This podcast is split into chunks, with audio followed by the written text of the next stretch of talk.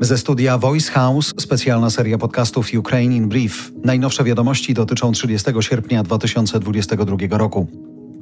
Ukraińców czeka najpewniej najtrudniejsza zima w ostatnich latach. Sezon grzewczy rozpocznie się później i zakończy wcześniej niż zwykle. Temperatura w domach będzie wynosiła około 18 stopni Celsjusza, czyli 4 stopnie poniżej normy.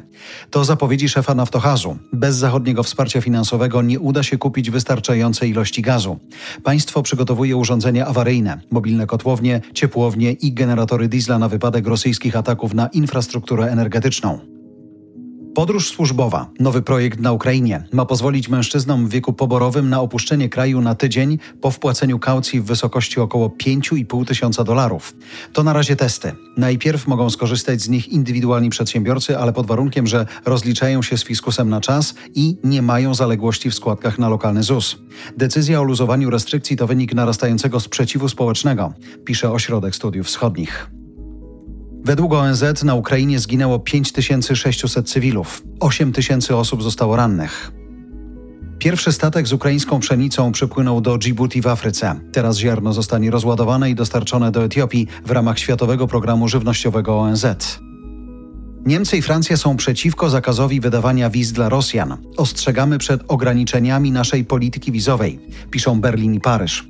Według Financial Times Unia Europejska chce zawiesić umowę wizową z Moskwą na szczycie w Pradze, który rozpoczął się we wtorek.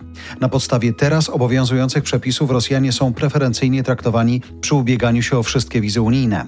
Zmiana może wymusić większą biurokrację, wyższy koszt i wydłużyć czas oczekiwania. 71% Polaków jest za ograniczeniem prawa do wjazdu na teren Unii Rosjanom. 32% z nas chce bezwzględnego zakazu wjazdu, a 39% odpowiada, że zgoda tylko w wyjątkowych sytuacjach.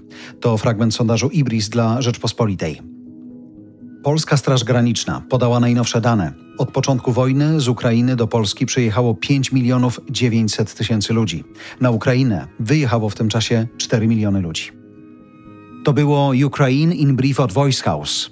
Kierownictwo produkcji Dorota Żurkowska. Redakcja Agnieszka Szypielewicz. Dystrybucja Olga Michałowska.